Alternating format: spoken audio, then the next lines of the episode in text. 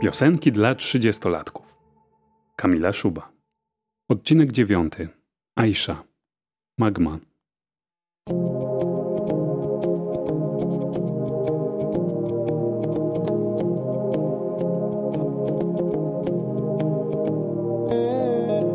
Znów dziś przeszła obok mnie. Nie istnieje dla niej, Na spojrzenie czekam lub gest. Proszę, Aisha, żądaj czego chcesz.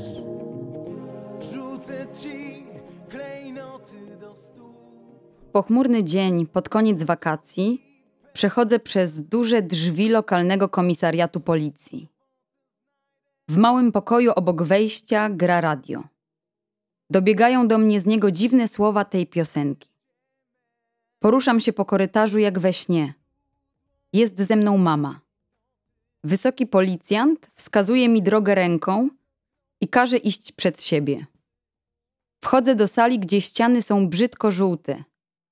Siadam przy stole.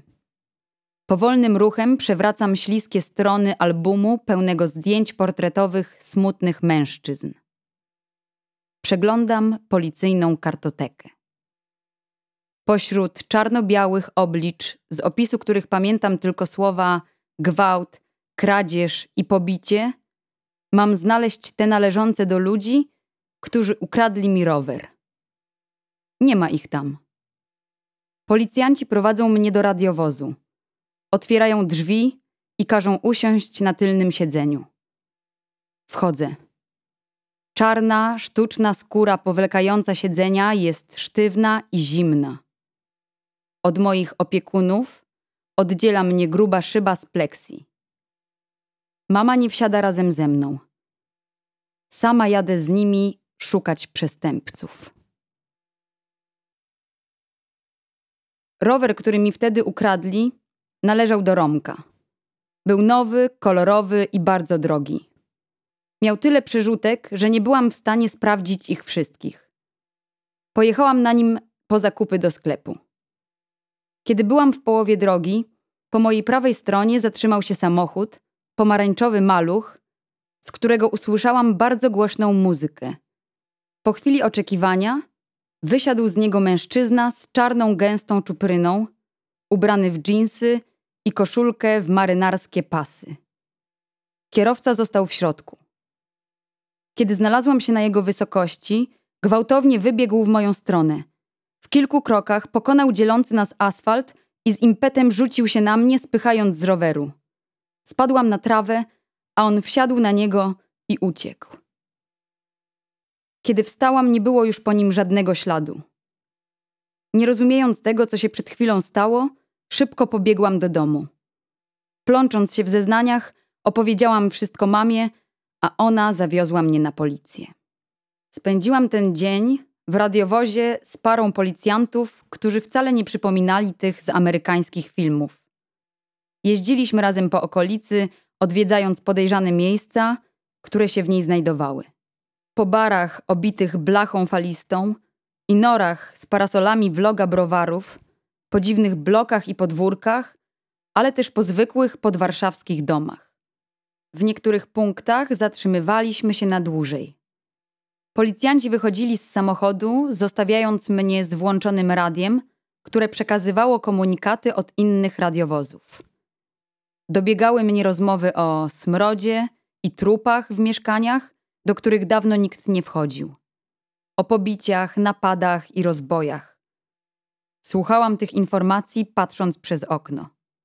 Bacznie obserwowałam budynki, do których właśnie weszli moi opiekunowie. Wyobrażałam sobie, kto w nich mieszka i jak wyglądają ich wnętrza.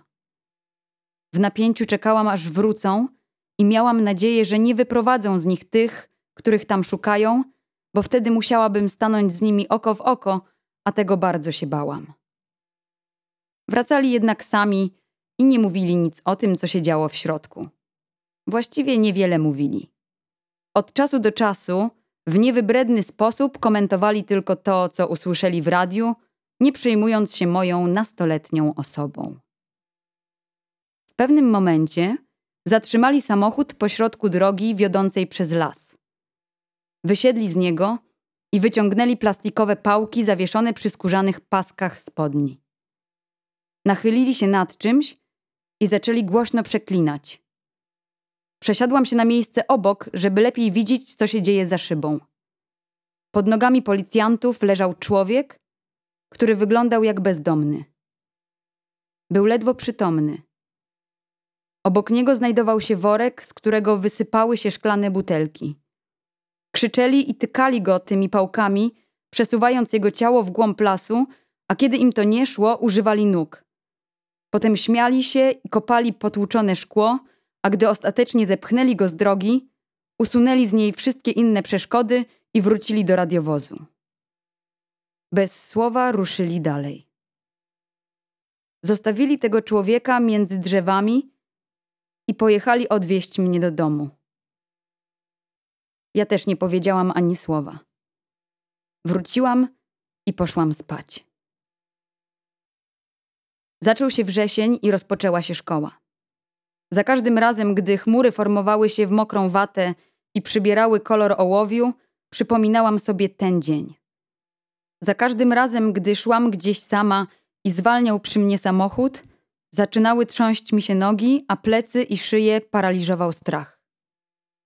Kiedyś na godzinie wychowawczej nasza nauczycielka, która najwidoczniej przeszła jakieś nowe szkolenia dotyczące pracy z dziećmi, wymyśliła dla nas ćwiczenie, podczas którego każdy, anonimowo, miał napisać, o czym chciałby porozmawiać z nią lub na forum klasy. Napisałam o tym, co spotkało mnie w wakacje i zakończyłam ten tekst informacją, że boję się każdego nadjeżdżającego samochodu. Zdania z kartki nigdy nie doczekały się rozmowy. Musiało minąć kilka lat, zanim ten stan po prostu zniknął, a rower nigdy się nie odnalazł. Piosenki dla trzydziestolatków. Czytali Joanna Roskosz i Adam Markuszewski. Tekst Kamila Szuba. Dźwięk i montaż Sebastian Świąder. Zrealizowano w ramach programu stypendialnego Ministra Kultury i Dziedzictwa Narodowego. Kultura w sieci.